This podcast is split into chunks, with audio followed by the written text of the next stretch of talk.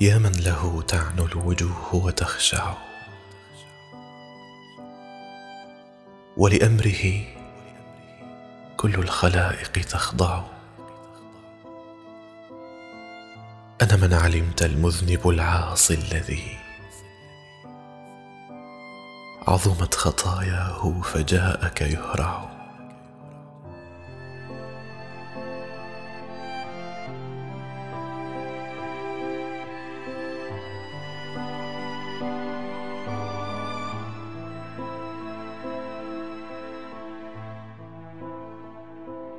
كم ساعة فرطت فيها مسرفا وأضعتها في زائل لا ينفع. كم بت ليلي كله متثاقلا وذو التقى حولي قيام ركع. كم زينت لي النفس سوء فعالها فأطعتها ضعفا فبئس الطيع. كم أقرأ الآيات لو نزلت على شم الجبال رأيتها تتصدع. ما لي أردد وعدها ووعيدها. ما رق قلبي أو جرى لي مدمع. يا حسرته أعظ الأنام فليتني. نفسي وعظت فوعظ نفسي أنفع. يا رب حكمتك اقتضتني مذنبا. لأجيء بابك أستجير واضرع فترى عبيدك تائبا مستغفرا. وأراك غفارا لذنب يفظع أنا إن عصيت فذاك من نقصي ومن؟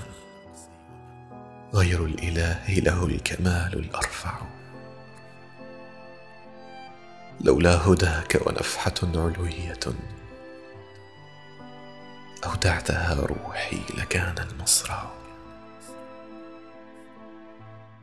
يا رب. يا رب عبدك عند بابك واقف. يدعوك دعوة من يخاف ويطمع.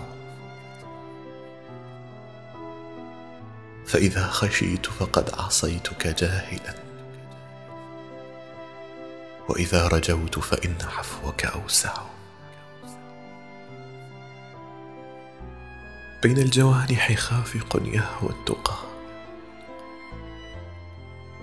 ويضيق كرها بالذنوب ويجزع.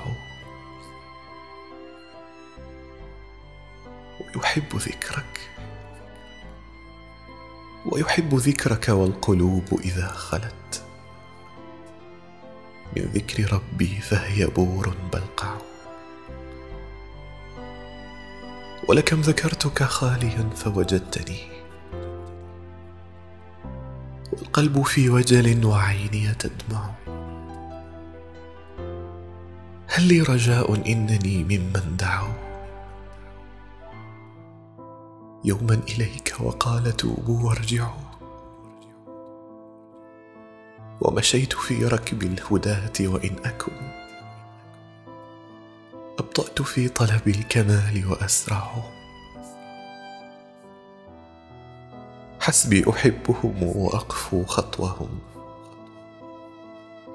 ولكم أرى حب الأكابر يشفع. يا رب ما لي غير بابك مفزع. هاوي إليه إذا يعز المفزع. ما لي سوى دمعي إليك وسيلة. وضراحتي ولمن سواك ساضرع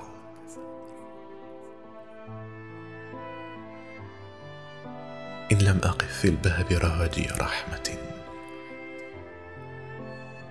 فلأي باب غير بابك أقرع.